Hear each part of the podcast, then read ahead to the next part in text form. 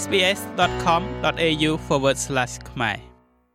លោកអ៊ីស្ម៉ាអែលសាព្រីប៊ីនយ៉ាកុបនាយករដ្ឋមន្ត្រីម៉ាឡេស៊ីបានមកបំពេញទស្សនកិច្ចរយៈពេល2ថ្ងៃនៅក្នុងប្រទេសកម្ពុជានាថ្ងៃទី23និងថ្ងៃទី24ខែកុម្ភៈ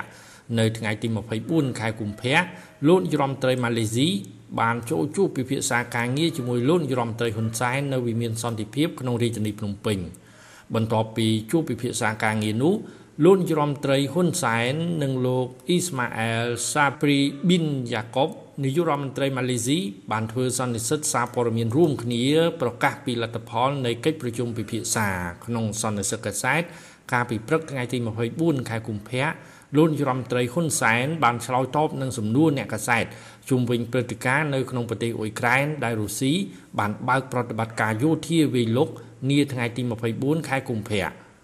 លោកនាយរដ្ឋមន្ត្រីហ៊ុនសែនបានលើកឡើងថារូបលោកនិងលោកនាយរដ្ឋមន្ត្រីម៉ាឡេស៊ីបានលើកយកព្រឹត្តិការណ៍នៅអ៊ុយក្រែនមកពិភាក្សាគ្នាដោយស្ងៀមស្ងាត់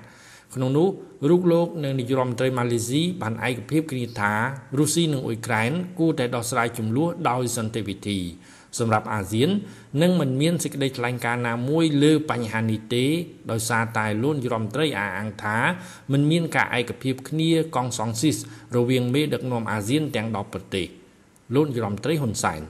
វាជាការធម្មតាទេទោះបីយើងជាប្រទេសតូចហើយយើងនៅឆ្ងាយក៏ដោយក៏ប៉ុន្តែបញ្ហាអន្តរជាតិដែលលេចឡើងធំធំបែបនេះមេដឹកនាំតែងតែមានការពិគ្រោះពិភាក្សាគ្នាខ្ញុំជាមួយនឹងអាដាមនាយករដ្ឋមន្ត្រីម៉ាឡេស៊ីបានពិភាក្សាគ្នាលើបញ្ហានេះពិតហើយគឺអ្វីដែលយើងចង់ឃើញគឺដំណោះស្រាយដោយសន្តិវិធី នៅទីនេះយើងមិនមានកងសង្ស៊ីសទៅលើសក្តិថ្លែងការណ៍ណាមួយ របស់អាស៊ានទេ យើងបានរួមគ្នាបញ្ជាក់ខ្ញុំជាមួយអាដាមនាយករដ្ឋមន្ត្រីអ៊ីស្ម៉ាអែលបាននិយាយយ៉ាងច្បាស់ថាអាស៊ានត្រូវការសម្លេងរួមគ្នាទើបអាស៊ានខ្លាំងអញ្ចឹងរាល់ការធ្វើសេចក្តីថ្លែងការណ៍ណាមួយចាំបាច់ត្រូវមានកុំសង្ស៊ីសក្នុងចំណោមអាស៊ានប៉ុន្តែព្រឹត្តិការណ៍នៅអ៊ុយក្រែនជាការ ដែលយើងយកមកពិភាក្សាក្នុងភាពស្ងាត់ស្ងៀមអាដាម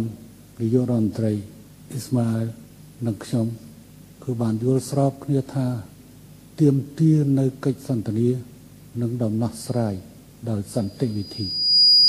សូមអរគុណចំពោះសំណួរសូមរំលឹកថាកាលពីថ្ងៃទី24ខែកុម្ភៈរុស្ស៊ីបានបើកការវាយប្រហារប្រទេសអ៊ុយក្រែនទ្រង់ទ្រាយធំពីគ្រប់មុខព្រួញ ទាំងខាងប្រទេសអ៊ុយក្រែនភាគខាងកើតផង និងពីខាងប្រទេសបេឡារុសផង កងទ័ពរុស្ស៊ីក៏បានវាយប្រហារចេញពីតំបន់គ្រីមេជាតំបន់ដែលបានផ្ដាច់ខ្លួនចេញពីប្រទេសអ៊ុយក្រែនហើយរុស្ស៊ីបានដាក់បញ្ចូលជាទឹកដីរបស់ខ្លួនកាលពីឆ្នាំ2014យុទ្ធនាការយោធារបស់រុស្ស៊ីនៅថ្ងៃទី24ខែកុម្ភៈធ្វើឡើងបន្ទាប់ពីប្រមុខដឹកនាំរុស្ស៊ីលោក Vladimir Putin បានផ្ដល់អធិបញ្ជាឲ្យកងទ័ពរុស្ស៊ី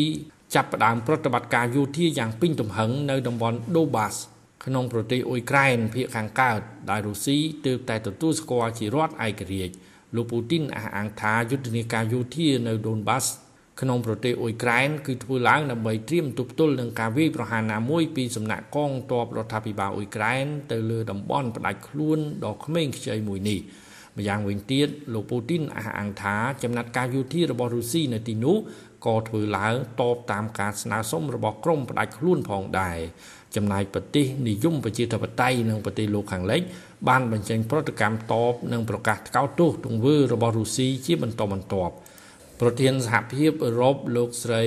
Leyen បានប្រកាសថារដ្ឋាភិបាលក្រុងមូស្គូត្រូវតែទទួលខុសត្រូវទាំងស្រុងចំពោះផលវិបាកនៃសង្គ្រាមនៅអ៊ុយក្រែននេះគឺជាការវាយប្រហារដោយគ្មានយុត្តិធម៌ពីសំណាក់ទាហានរុស្ស៊ីទៅលើប្រទេសអ៊ុយក្រែនចំណែកអគ្គលេខាធិការអង្គការសហប្រជាជាតិលោក Guterres បានជំរុញឲ្យប្រទេសរុស្ស៊ីបញ្ឈប់សកម្មភាពយោធារបស់ខ្លួនខណៈដែលអគ្គលេខាធិការអង្គការ NATO ក៏ប្រកាសថ្កោលទោសការវាយប្រហារនោះ។ លោកថា NATO ឈរនៅខាងប្រជាពលរដ្ឋអ៊ុយក្រែននៅក្នុងគ្រាដ៏លំបាកនេះ NATO នឹងធ្វើអ្វីអ្វីគ្រប់យ៉ាងដើម្បីការពារសម្ព័ន្ធមិត្តរបស់ខ្លួនសូមជម្រាបជូនថាអ៊ុយក្រែនគឺជាប្រទេសសមាជិកសហភាពអឺរ៉ុបហើយត្រៀមនឹងចូលជាសមាជិកអង្គការ NATO តែរុស្ស៊ីបដិសេធនិងទាមទារដាច់ខាតមិនឲ្យអ៊ុយក្រែនចូលជាសមាជិកអង្គការ NATO នោះឡើយខ្ញុំវិញផល្លា SBS ខ្មែររាយការណ៍ពីរាជធានីភ្នំពេញ